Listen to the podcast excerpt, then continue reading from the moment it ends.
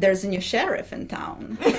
och att det som eh, Agenda 2030 innebär för handel och handelspolitik är en totalomställning, ett paradigmskifte. Att vi nu inte bara tänker på ekonomisk tillväxt, men vi har hållbar utveckling som ett utgångspunkt för hela handelspolitiken.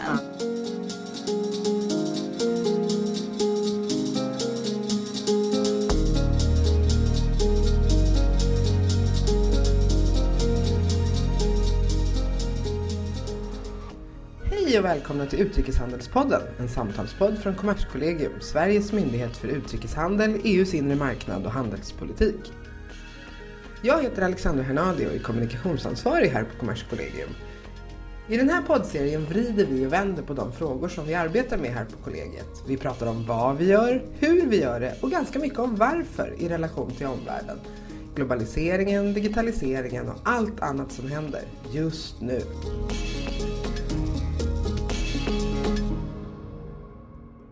Är det inte digitalisering så är det hållbarhet, ett begrepp som alla pratar om nu för tiden. Eh, och såklart är hållbarhet även en kärnfråga här på Kommerskollegium. Eh, lite av en röd tråd i det mesta vi arbetar med nu för tiden skulle jag vilja påstå.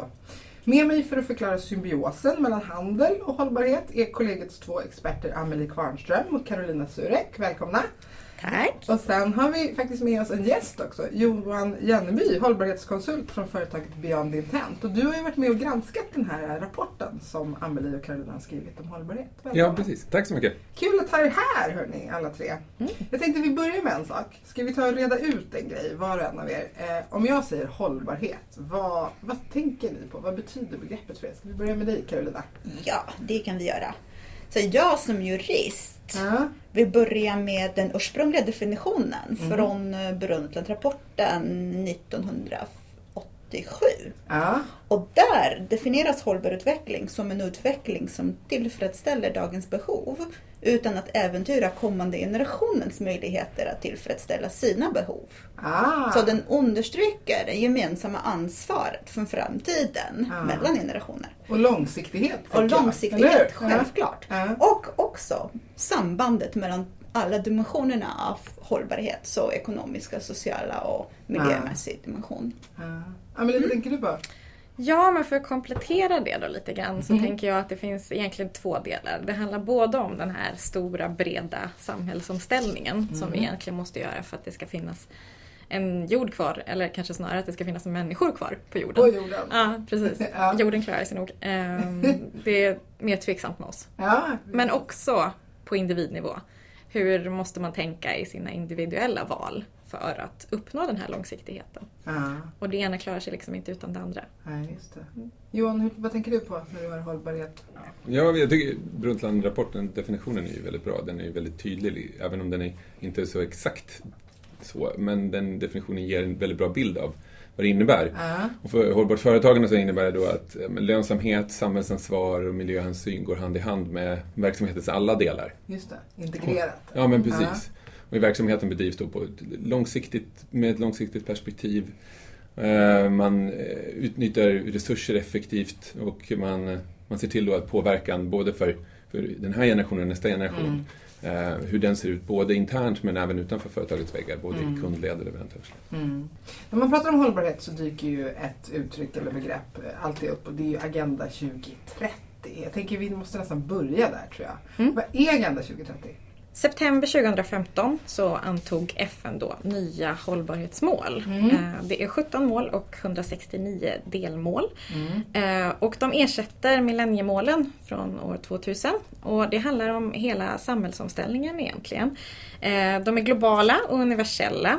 Och det handlar om att alla länder måste fokusera på att nå en hållbar utveckling. Inte bara fattigdomsminskning som Mm. millenniemålen fokuserade väldigt mycket på. Just det, det är den stora skillnaden kan man säga. Mm, det kan man Ja. säga. Kan man säga någonting om några exempel på de målen? Vad kan det handla om för typ av mål till exempel? Ja, så till skillnad från millenniemålen då så fokuserar eh, Agenda 2030 på alla de här tre dimensionerna. Så Ja. har vi även jämställdhetsmål och klimatförändringar. Men även fattigdomsbekämpning som är det allra första målet. Mm. Okej. Jag tänkte om man ska liksom slänga in handel i den här diskussionen. Hur funkar egentligen handel som motor i en hållbarhetsagenda? Och hur har den liksom utvecklingen sett ut om man ser tillbaka i tiden?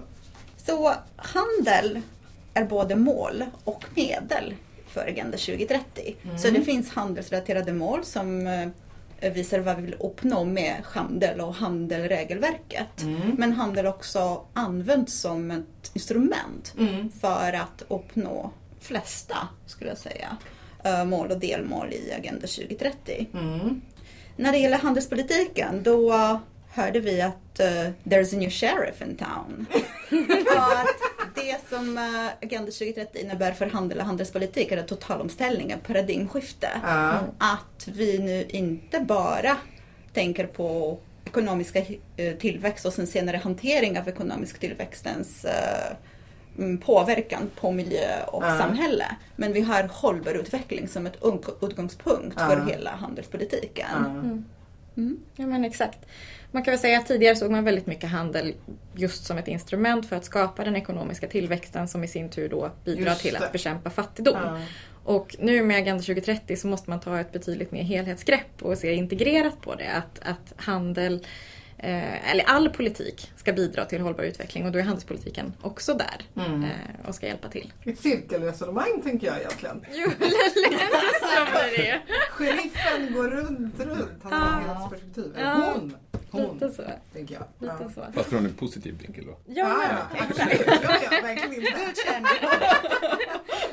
Exakt. Ja, och jag tänker också att det är liksom inte, det är ingenting nytt i kopplingarna Nej. i sig. Utan handeln har ju haft samma typer av effekter tidigare också. Ja. Hållbarhetseffekter på olika hållbarhetsfrågor. Men vad som är nytt är snarare vår förståelse för hur man ska använda sig utav handelspolitiken Just för det. att bidra till de här eh, hållbarhetsmålen. Ja. Ja. men exakt. Och det är en uttrycklig ambition, vilja, att Ja. göra det.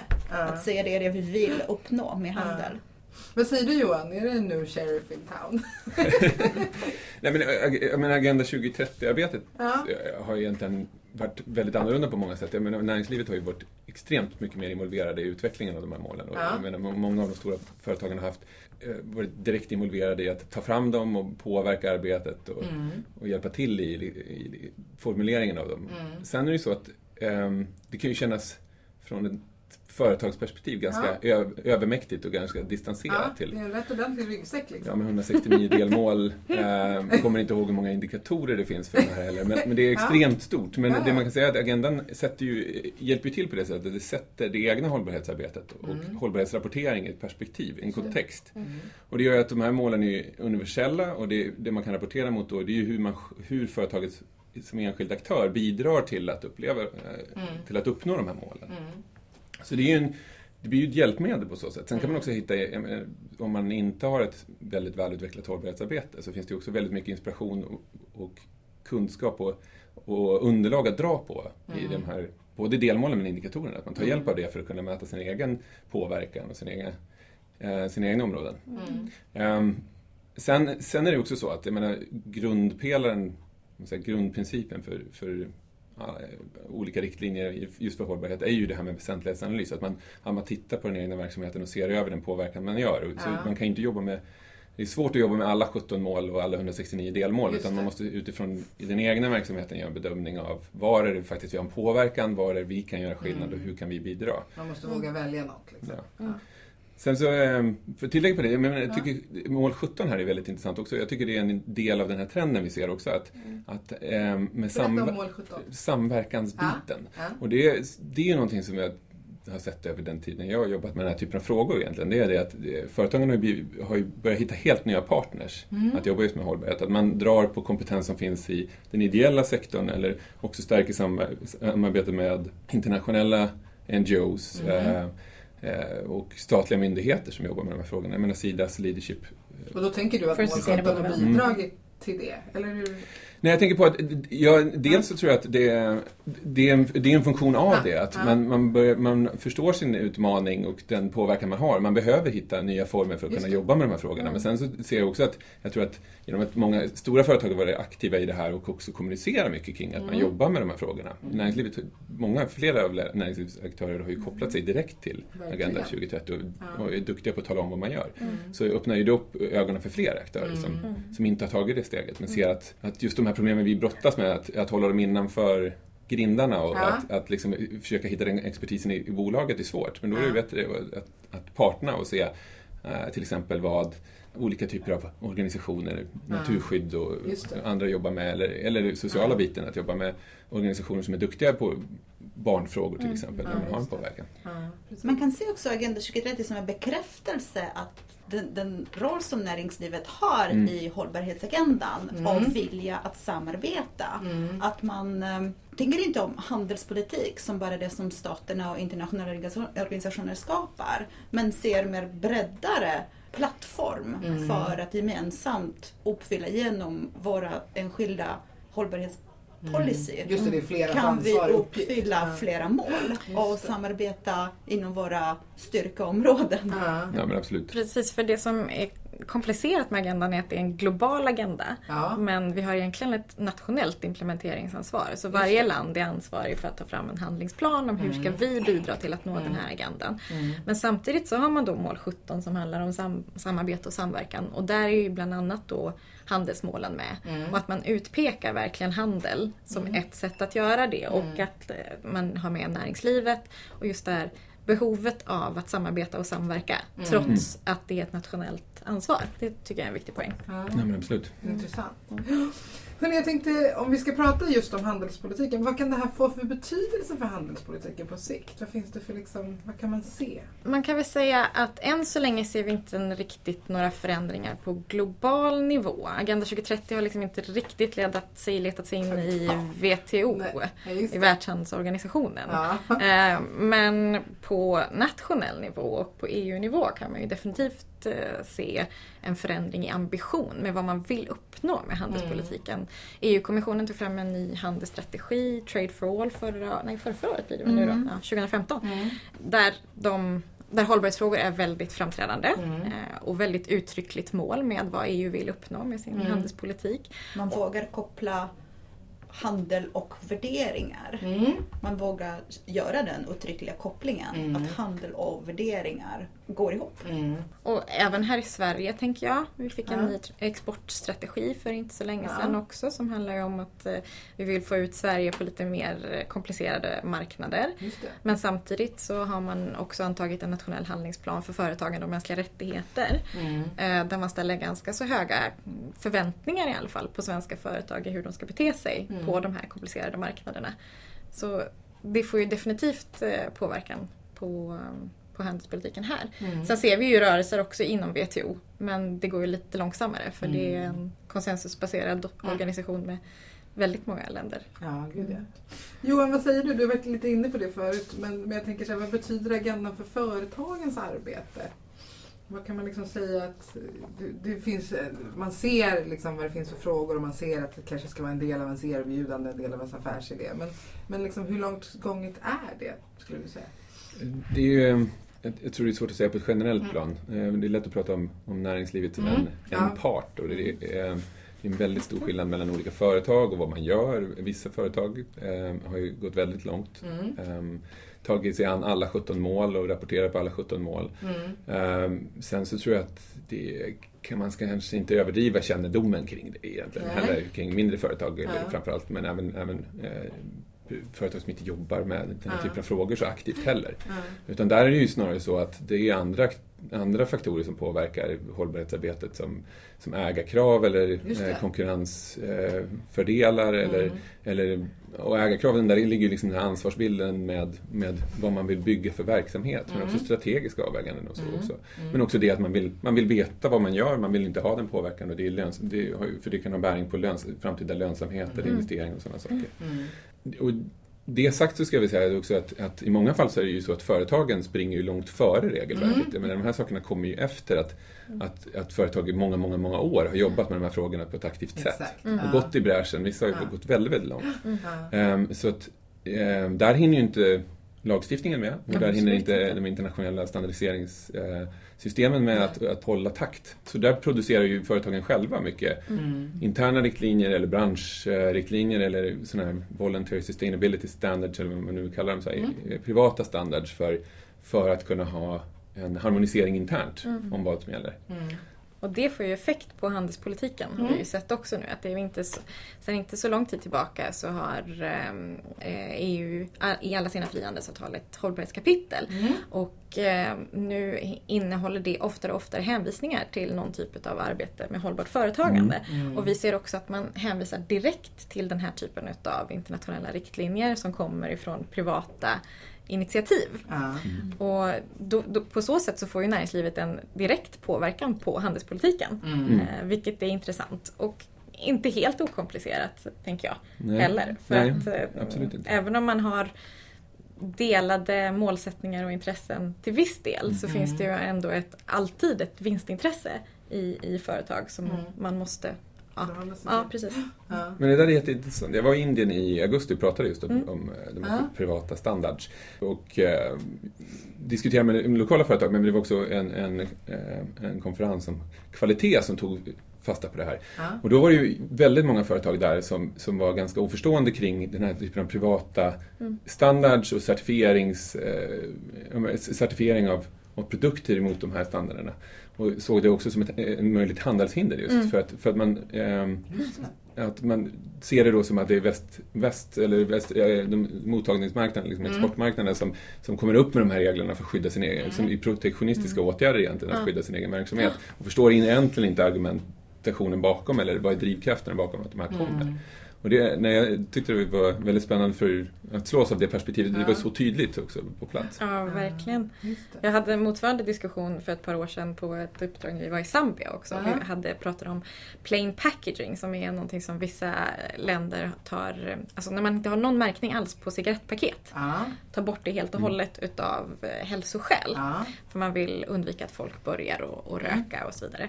Ehm, och det pratade vi om i, i Zambia och de kunde ju inte förstå det här överhuvudtaget för att de har givetvis en stor tobaksproduktion i många av grannländerna där och såg det ju verkligen bara precis som det västerländska länder, utvecklade länder sätter hinder Ja. för hur man får lov att eh, exportera.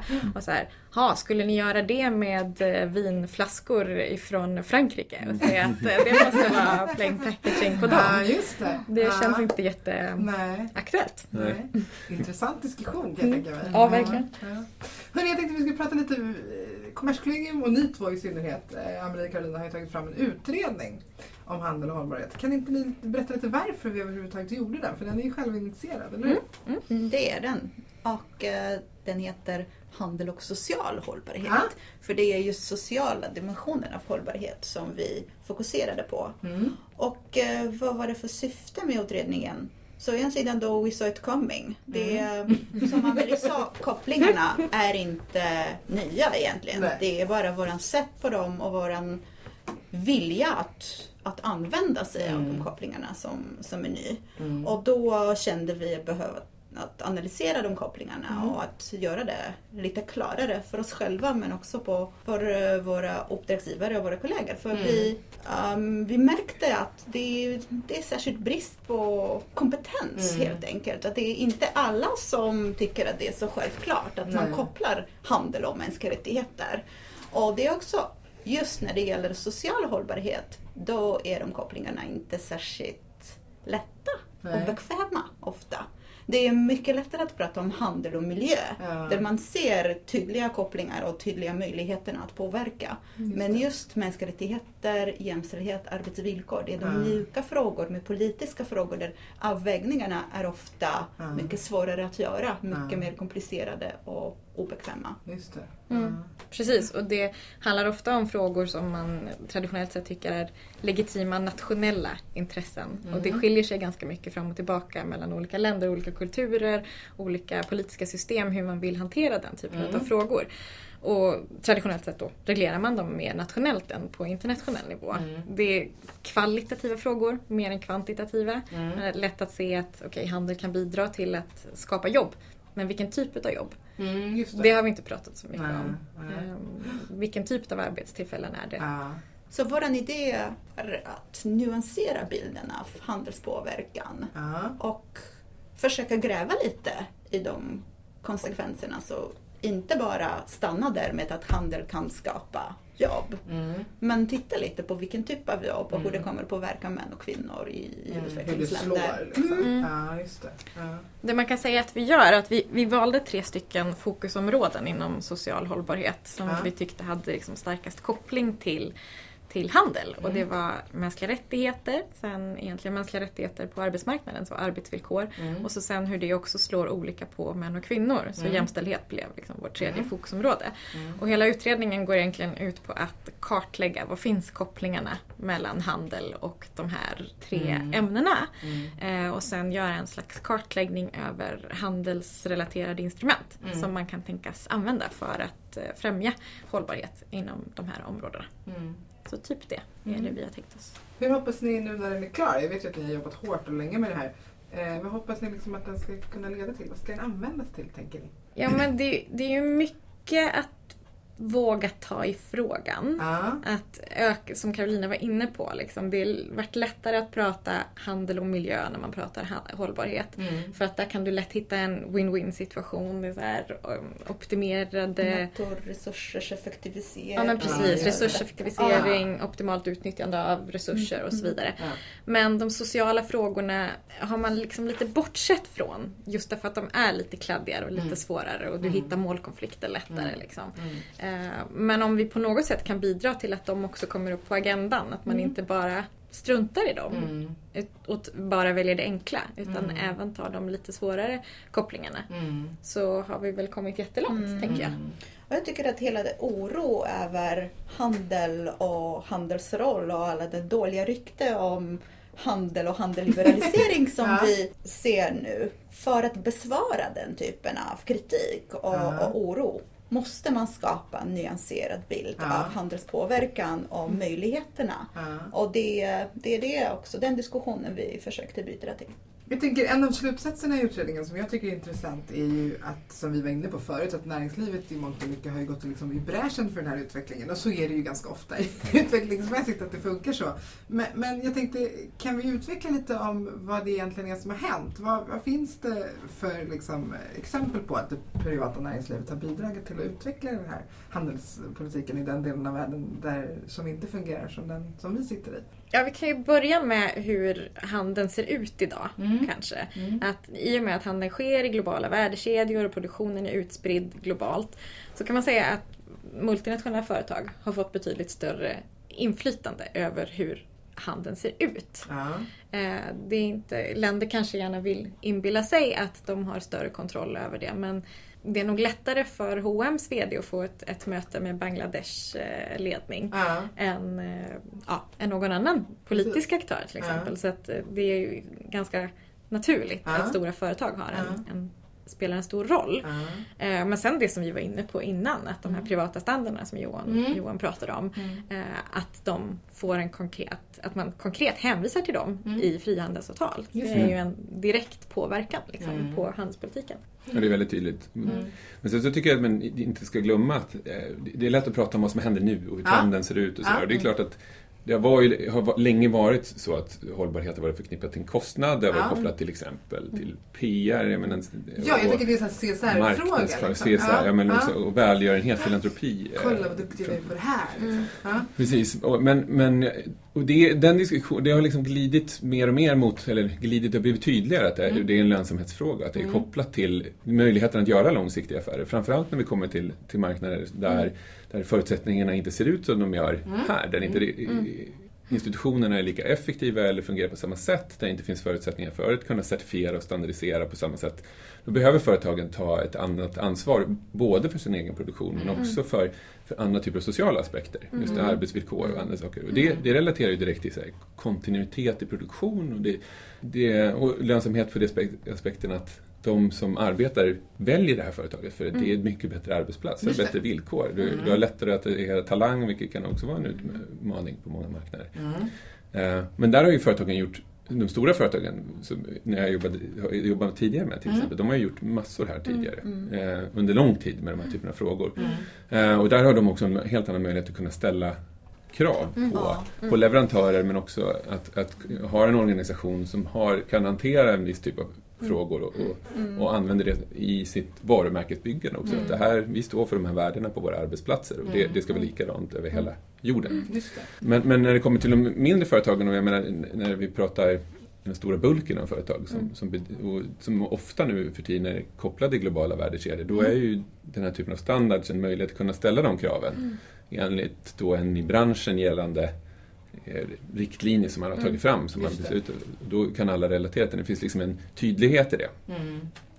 Och det är ju tydligare för leverantörerna Ja, men också, precis, jag. exakt. Jämfört med att alla företag har sin egen separata Code of Conduct, Mm. egna riktlinjer. För att eh, för leverantören då så skiljer sig ju ofta de kraven. Mm. Eh, om Mm. någon skulle leverera till många olika företag som alla har olika riktlinjer. Ja. Men däremot finns det gemensamma standarder och eh, branschriktlinjer. Ja. Så är det mycket lättare för leverantören Ja, men också absolut. såklart. Mm. Men sen ska man ju också säga att de företagen de jobbar med i, i utvecklingsländer är ju oftast mycket närmare den här typen av problematik och förstår den på ett väldigt bra sätt. Mm. Ja, men de jag genom mitt arbete har mött till exempel är oftast väldigt, väldigt medvetna av de typerna av problem som, som finns till exempel kring brist på sjukvård eller eh, försörjningssvårigheter Ja. för de anställda och sådana saker. Det, det är kanske att man inte har medel och möjligheten att göra någonting där. Och där så, så är det ju många nu för tiden som, som i samband med att man implementerar typer av riktlinjer försöker Mm. lyfta kapaciteten bland till exempel producenterna. Eh, vi har jobbat med, med specialkaffeorganisationen Speciality Coffee Association till exempel. Mm. Och där har man ju program i odlingsområden där man jobbar med, med bönderna och där man jobbar med, med kluster och, och eh, lokala organisationer för att, Mm. för att förbättra förutsättningarna för bönderna. För det är ju en direkt överlevnad av att ha kvaliteten på de som producerar kaffet Mm. kvar. Mm. Eh, och att, att den kunskapen förs vidare i generationer och att inte alla bara vä- väljer att flytta in till städerna i jakt på bättre jobb Annars till blir det exempel. ingen kaffe. Mm. Nej, och det finns jättemånga, nu tog jag bara ett, ett exempel, det finns jättemånga men- komplicerade Mm. förhållanden just när det gäller kaffeproduktionen som är Ja. superintressant för att typ täcker alla hållbarhetsaspekter. Ja. Men, men, det- men exemplet tycker jag visar på att det, det är inte bara så att man trycker på en standard och säger nu måste ni leva upp till det här. Nej. för då fungerar det ofta verkligen illa. För du, Ja. Eftersom du inte dessutom har en certifiering kroppen i landet så ställer det andra krav på hur du ska kunna Ja, eh, verifiera att de här produkterna är producerade under de förhållandena. Mm. Utan där krävs ett samarbete och då stärker du också relationerna med leverantören och du bygger en långsiktig relation som oftast gynnar affären på lång sikt också. Mm. Jag tänkte på, ni var ju inne lite på det, det känns ju som att risken för målkonflikter är ju liksom, de är många och Mm. ni vill ju heller inte liksom vika undan för det, det är ju lite det som är själva grejen. Mm. Eh, och jag vet att ni skriver en del om det i er utredning. Kan inte ni berätta lite, ge några exempel på sådana avväganden? För det är ganska spännande tycker jag. Jo men absolut, det kopplar ju tillbaka till det vi varit inne på. Att om man utgår från handel som ett instrument för att skapa ekonomisk tillväxt Mm. i grund och botten. Alltså, är det bra till alla pris? Vad får Mm. det för effekter på andra, eh, de andra dimensionerna Mm. utav hållbarhet? Om, om vi pratar till exempel eh, handelsliberaliseringar så Mm. handlar det ju ofta om att eh, ta bort tullar Mm. till exempel och öppna upp en marknad. Och i, på det stora hela så ser vi ju ändå en ekonomisk utveckling utav det. Men på kort sikt så den strukturomvandling som sker i landet kan ha negativa effekter Mm. eh, för grupper i alla fall. Och Mm. som vi var inne på, vi vet inte vilk, det kanske bidrar till sysselsättning men vi vet inte vilken typ av arbetskraft Mm. som, som skapas. Eller inte arbetskraft utan arbetstillfällen som, som skapas. Mm. Och eh, det här då med att man tar bort tullar innebär också att det blir minskande intäkter för staten.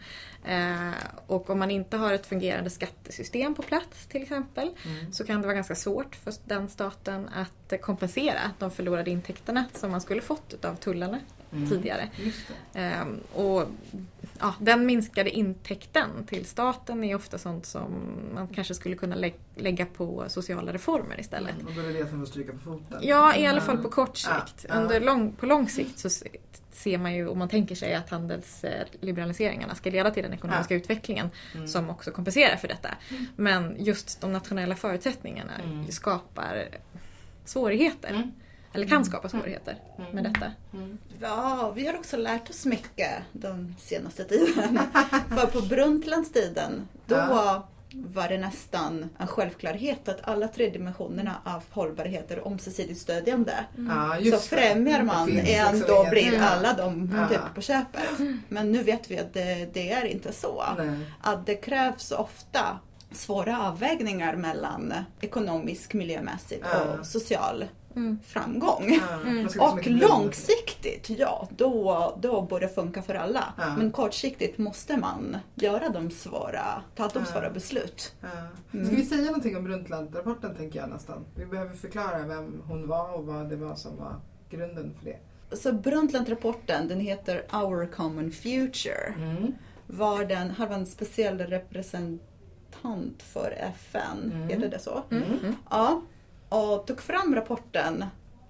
Och först och främst var det ett sätt att visa kopplingen mellan um, fokus på, på ekonomisk utveckling och miljömässiga konsekvenser. Mm. Så att skapa den kopplingen Och den och förståelsen. förståelsen på att okej, om vi håller på så. Mm. då kommer det oundvikliga konsekvenser på miljö och natur Mm. som vi kommer kanske att inte ha möjligheten att hantera. Mm. Och det som är verkligen sorgligt är att Brundtland-rapporten från 1897, var det så? Mm, 19 Ja, 1997. Ja. Förlåt. Nej, det, det har Hur gammal Det- är Gro Brundtland? Att vi har, när det gäller just miljö och klimat, Ja. då har vi inte gjort särskilt stor framgång sedan dess. Vi är fortfarande, vi erkänner att vi har ett problem. Men eh, hela ehm, internationella rörelse för att förbättra situationen Ja. Ja, vi ser att till och med den stora Parisavtalet ifrågasätts nu och det, det är lite skrämmande. Mm. Ja, absolut. Men jag, jag tror att det, rapporten fick också Rio-konferensen 1992 sen. Det, det var ju att det satt ett väldigt tydligt fokus. Jag tänker på alla så här ekokommuner som växte fram i Sverige och det. Agenda 21-arbetet. och Det skapade både när det gäller så här någonting, återvinning och, och, och den typen av, av såna här mera praktiska frågor Ja. satte ju fart då. Det, Men lite så här folklig awareness tänker jag på något Det- sätt. jag tror ändå, det. Lite grann. Liksom. Ja, nu är det en väldigt lekmananalys Ja. av det här. Men, men Ja. när, när i, i mitt medvetande så var det en viktig del under den tiden eh, man jobbade med sådana Ja, frågor. ja. Ja. Eh, Så sen, är, sen är det tyvärr så att frågorna var, är väldigt komplicerade och sen klimatfrågan har ju kommit upp, seglat upp senare. Och så. Mm. Eh, det, men, men det var ett startskott. Men, men det är klart att det är jättelång väg kvar och Mm. det, det finns ingen ri, riktig enighet kring de här frågorna än. Och det, jag tror att det är, det är andra typer av målkonflikter som också ligger under såklart som sätter Mm. käppar i hjulet för det. Och, och särskilt nu då tänker jag med Agenda 2030 som är så extremt bred. Mm. Och att vi har de här globala målen som handlar om alla tre dimensioner. Mm. Vi har nationellt implementeringsansvar. Man kan ju verkligen tänka sig länder som har en ambitiös agenda kring detta och vill implementera massa nationell reglering Ja, för att det. uppnå de här målen. Ja, nu såklart. sätter vi massa krav på olika sätt. Och då finns det samtidigt då eh, under mål 17 de handelsrelaterade målen som bland annat handlar om att vi ska öka exporten ifrån de minst utvecklade länderna Mm. eh, väldigt kraftigt. Det är en uttrycklig målsättning också. Mm. Men att sätta väldigt höga krav på vilka produkter vi ska ha eh, i, i våra länder Mm. kan ju göra det väldigt mycket svårare för utvecklingsländer att exportera till oss. Ja, fruktansvärt svårt tänker jag Ja. verkligen. Om man inte har, som du var inne på förut, de här liksom institutionella förutsättningarna Nej, precis. och kunna sätta den här kvalitetsstämpeln Mm. på, på sin vara som gör att den är okej att säljas i EU. Liksom. Ja, exakt. Och det, där har ju, jag menar, politiken har ju en begränsad roll också i det. Jag menar, det, det vi ser, om man tittar på konsumtion och siffror, bara hur den tillväxten är, där har ju företagen en väldigt viktig roll att spela. Där finns det ju företag som, som kör marknadsföring med att man inte ska handla deras produkter. Eh, och att man, där, där det cirkulära tänkandet kommer in mycket, mycket starkare. Hur man kan återanvända produkterna. Just det. Ehm, och hur lång levnadstid produkterna har är också Ja. börjar, börjar spela roll. Mm, det var ju kvalitet förut, men det har ju sen har varit slit och släng och nu börjar vi komma tillbaka till ett fokus på att du köper en produkt och du vill att den ska hålla. Det är mer ett problem att åka och handla än att, att det är billigt. Det, är liksom, det, det, är också den tid, det finns ju många aspekter som kan komma in och sätta fokus på de här svårare frågorna som gör att vi överkonsumerar. Då. Ja. Precis. Där kanske du, det här kanske du har koll på sedan innan. Eh, en kollega till oss, berätt, Nestlé El Mufti, berättade en väldigt intressant eh, målkonflikt får man säga på området. Det börjar bli vanligare och vanligare att eh, klädbutiker tar Ja. emot gamla, Ja. eh, alltså begagnade kläder. Även om man inte har köpt dem där utan liksom för att kunna återanvända tyget. Och hon berättade om en aktör som hon hade träffat som var verksam i Indien Mm. eh, som köpte in alla de här gamla kläderna då och bröt ner det igen till tråd och tyg. Eh, men problemet är att han får inte lov att sälja tillbaka dem till EU-marknaden på grund utav kemikalielagstiftningen för de kan inte spåra kläderna helt och hållet. Så det är ett väldigt, så här, Ah, det är väldigt konkret. Nej, Just precis, precis. Han köpte även in ganska mycket kläder från indiska marknaden och eh, från Bangladesh men då var det sånt som var liksom ja, måndagsexemplar. Ja, Som inte var använda varor Mm, redan. Eh, Ja. Utan sånt som bara var liksom, blivit över. Precis, eller var något fel på av någon Mm. anledning. Och de är fine för då kan man spåra vart de verkligen kommer ifrån. Men han sitter i en bisarr situation och köper in massa tyg som har blivit sålda på EU-marknaden Mm. en gång. Mm. Bryter ner det till eh, eh, tråd och gör nytt tyg men får inte lov att sälja tillbaka det till EU-marknaden på grund av kemikalielagstiftningen. Och här lämnar vi dem i de klädbutikerna och tycker att vi gör så bra. Ja, just det. Mm. Ja, det där är jätteintressant. Mm. Ja. Men Johan, ser du massa exempel bland dina kunder på den här typen av målkonflikter? Hur man liksom funderar? Och vad man hamnar i för rävsaxar, tänker jag. Ja, men det, det, det finns ju, det är väldigt olika vad det är för Ja, frågor. Såklart. och det är, det är en, ja, precis, det är en självklarhet. Nej, men, sen, sen tror jag att just den här typen av väldigt teknisk, alltså det, det finns ju tyvärr så att det finns lagar som hindrar effektivt resursutnyttjande också. Det, Ja. finns, det, det, finns det exempel på. Och också, menar, när vi kommer till, till eh, det här med certifiering och de frågorna om de här standarderna till exempel. Om man går in och tittar på en, en matvaruhylla idag så är det en, en annan problematik. Det är ju hur man når konsumenten och kan tala om att ens vara faktiskt är bättre än andra miljömässigt. För jag menar, hur kan en konsument värdera dem, ibland på ett, på ett chokladpaket till exempel, så kan det ju vara fyra, fem märkningar. Liksom, samma. Vad, vad betyder de? Eh, och där tror jag, eller hoppas jag snarare, att man kommer mot en mer harmonisering. Att det finns eh, liksom en gradering eller något, att det börjar komma index till exempel på att kunna värdera vilka typer av aspekter man tar hänsyn till och hur. Och att det blir lättare för kunden att liksom se en siffra som är graderad. Det är ju jättesvårt, det är, det är väldigt komplicerat system. Men jag vet att det finns folk som tittar på det. Ja. Ehm, Men just när det gäller målkonflikter så tror jag för företagen så är det ju, finns det ju oerhört många målkonflikter i förhållande till prioriteringar i Ja. verksamheten. Och att prioritera någonting som ligger långt fram på lång sikt mot daglig verksamhet, eh, framförallt när du är ett mindre företag, är ju svårt att göra. Det, det kanske är just att man jo- jobbar för att överleva nu och, och, och skapa tillräcklig lönsamhet precis med de medel man har. Och då är det ju svårt att börja tänka om att vi fortfarande har långsiktiga relationer som fungerar på 20 års sikt och att det, här, att det, att det är en, en, en prioriterad fråga. Mm. Men samtidigt så, så ser jag med, med, med den tendensen som är nu, med, med, så mycket fokus på de här frågorna. Och jag såg en rapport från Svensk Handel för ett år sedan eller sånt, där 50% har gjort val i butiken på grund av att man, valt, man har valt bort en vara på grund av hållbarhetsfrågor eller liksom aspekter på den. Man har tänkt på det. Ja, liksom. men då påverkar det ju direkt här och nu. Då Ja. påverkar det försäljningen och då Ja. blir det också väldigt, väldigt tydligt. Så det är kännbart. Vi hade ett samtal i våras från ett byggföretag som var intresserade av att börja titta på deras hållbarhetsarbete Mm. när. De sa då att de hade förlorat ungefär 30% av sina upphandlingar över ett års tid på grund av att de inte hade kunnat rapportera på sin Mm. sitt hållbarhetsarbete. Och då, då kommer ju också då eh, kraven på, på hållbar upphandling och den typen av frågor Mm. in som, som också styr marknaden, som gör att det här blir reellt och kännbart. Så Mm. då kommer det, då blir, det, det blir lättare att då prioritera tror jag och det blir Mm. lättare att handskas med den typen av Mm. ekonomiska versus hållbarhetsaspekter. Så. Mm. Och det, just det konsumenttrycket tycker jag är intressant. Mm. Eh, för att se hur det kommer kunna påverka handelsregelverket. Man kan säga som i stora drag, så som det ser ut idag så tar man inte hänsyn till hur, hur en vara har blivit tillverkad för att se om, om den är eh, om man diskriminerar mellan den eller inte enligt Mm. det, det handelsregelverket i WTO. Ja. Så att det spelar liksom ingen roll om det är en, en t-shirt som är tillverkad utav barnarbete. Den, det anses vara en, en likadan produkt som en t-shirt som är tillverkad eh, utav Aha. vuxna i, i, en, ja, Ja. i, schyssta, eh, i en schysst arbetsmiljö. Ja.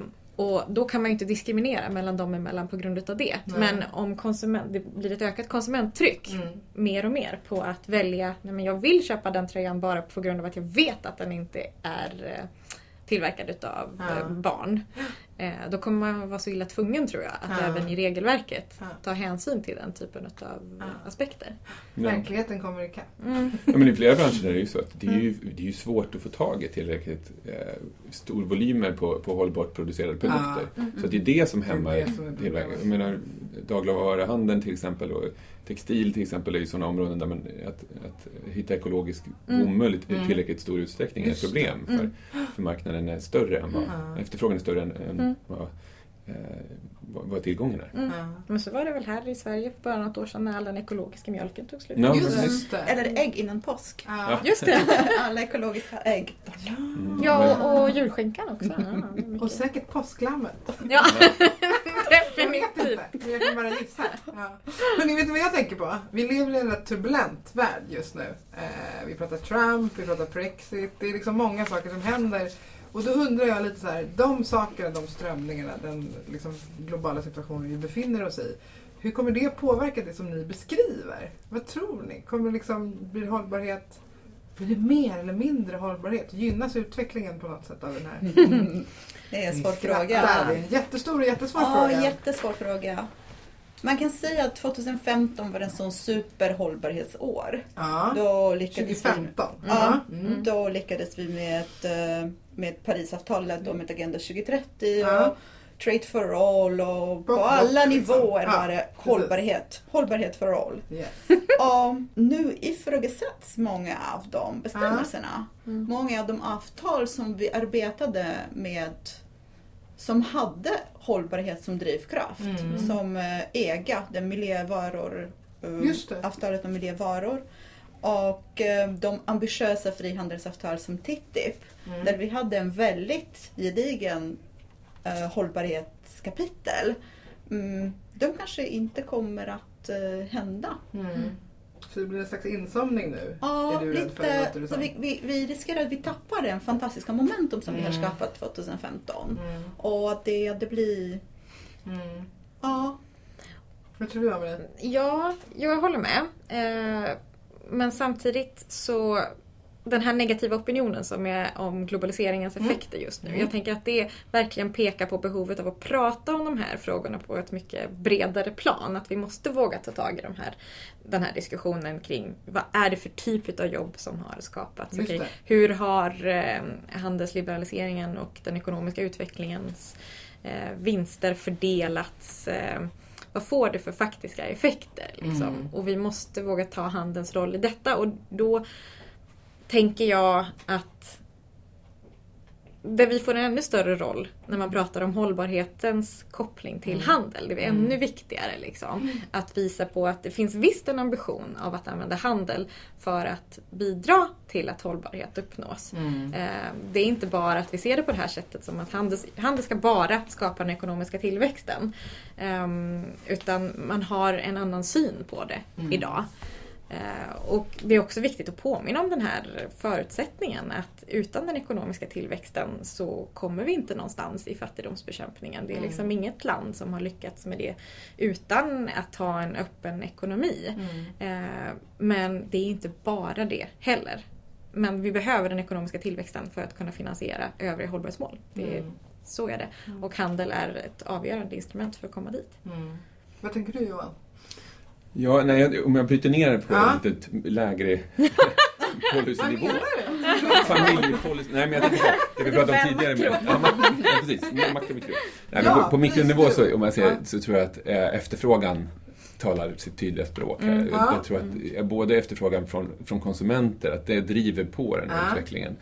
Ganska, eh, både för hållbara Mm. produkter men också tjänstesektorn har kommit igång väldigt väl med, med, med hållbarhetsarbetet och det, det börjar Mm. erbjudas den typen av erbjudanden. Just Det är inte riktigt där än, tror jag, på alla fronter. Det, men jag tror att den utvecklingen kommer fortsätta. Mm. Och det är finns ju olika argument det, som individerna tar till att göra det. Men, men det, det driver på den här utvecklingen och det Mm. kommer vi nog fortsätta se också. Mm. Och det här sker inte heller bara i Västeuropa och Nordamerika, som där, där de här efterfrågan har funnits en tid. Utan den ökande medelklassen då tack vare globaliseringen och liksom globaliserad handel Just det, och ekonomiska utvecklingen har gjort att den här typen av frågor har börjat segla upp på agendan mycket mer i, i Afrika och Sydostasien ehm, och även i Kina har den växande medelklassen också börjat ställa högre krav på, på den här typen av aspekter, på produkter och tjänster. Så det, det tror jag vi kommer fortsätta se och det, det kommer ju göra i sin tur att det här fortsätter. Så jag är mycket, lite mer positiv än, än den här eh, dystopiska Jag är utgångspunkten. också, också positiv just för att jag tror att du har helt rätt att näringslivet kommer fortsätta att driva. Mm. Ehm, Det som är väl lite tråkigare är ju liksom just policybiten Ja. kring det. Mm, där precis. verkar man ju ta ett steg tillbaka. Men, ehm, eller det finns väl risk för det i alla fall. Men eftersom näringslivet har varit så aktiva och drivande i de här Mm. frågorna så finns det ju all anledning att anta att de kommer fortsätta att göra det och bara fortsätta se vinstmöjligheter Mm. med att driva detta och nya affärsmöjligheter. Den utvecklingen kommer ju inte någon politiker kunna stoppa tror jag. Nej, slänga grus i maskineriet, absolut. Mm. Men sen också se- ser man, tycker jag också, ett, ett, en ökad liksom harmonisering och förståelse kring de här frågorna. Ja. Också i näringslivet på, på ett mer globalt perspektiv, om Ja. man säger så. Och här ser vi liksom internationella initiativ och, och organisationer som jobbar mer och mer på att harmonisera och koppla olika typer av riktlinjer till varandra. Det finns bra nycklar, digitaliserade versioner där man kan liksom lättare kunna förstå de ganska komplexa liksom, så här, regelverk kan man inte det. kalla dem, men, riktlinjer Ja. och indikatorprotokoll. Sådär.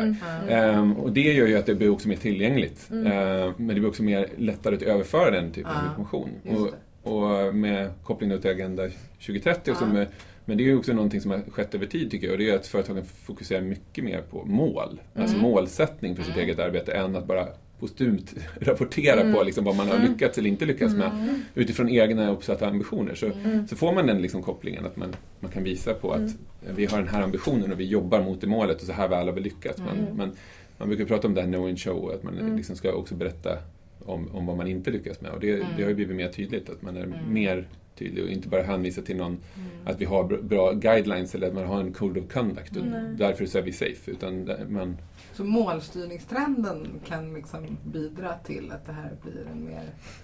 Jag tycker det är tydligt, och jag har inte gjort någon jättedykning i det här, men, men jag tycker att man ser det i hållbarhetsrapporteringen också, att man är tydlig med mål, målen. Vad, när ska vi vara klara med det här, eller hur långt ska vi nå då och då? Just det. Och det gör ju att du också har en referensram, alltså någon slags baseline att luta dig mot. Att Så här har vi utvecklats över tiden och vi, vi jobbar med de här målen och de kopplar till den här typen av verktyg eller till Agenda 2030 på det och det sättet. Ehm, och det gör också att det blir lättare att läsa de här rapporterna. För jag menar att man har minskat sin, sin vattenkonsumtion med 30% Det beror ju lite på var man låg innan. Ja. Det är klart att det, ja, men det är jätte, jättebra att man arbetar med dem, man tar tag i de här Ja. frågorna.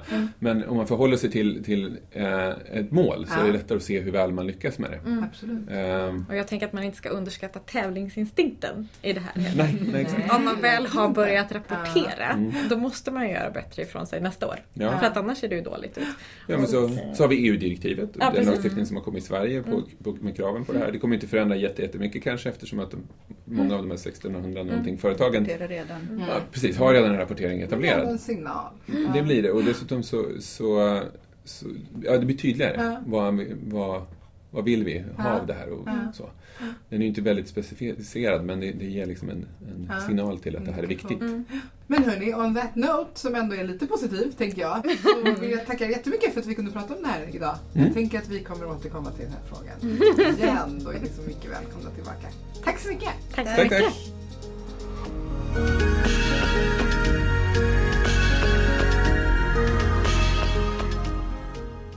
Du har lyssnat på Utrikeshandelspodden, en podd från Kommerskollegium.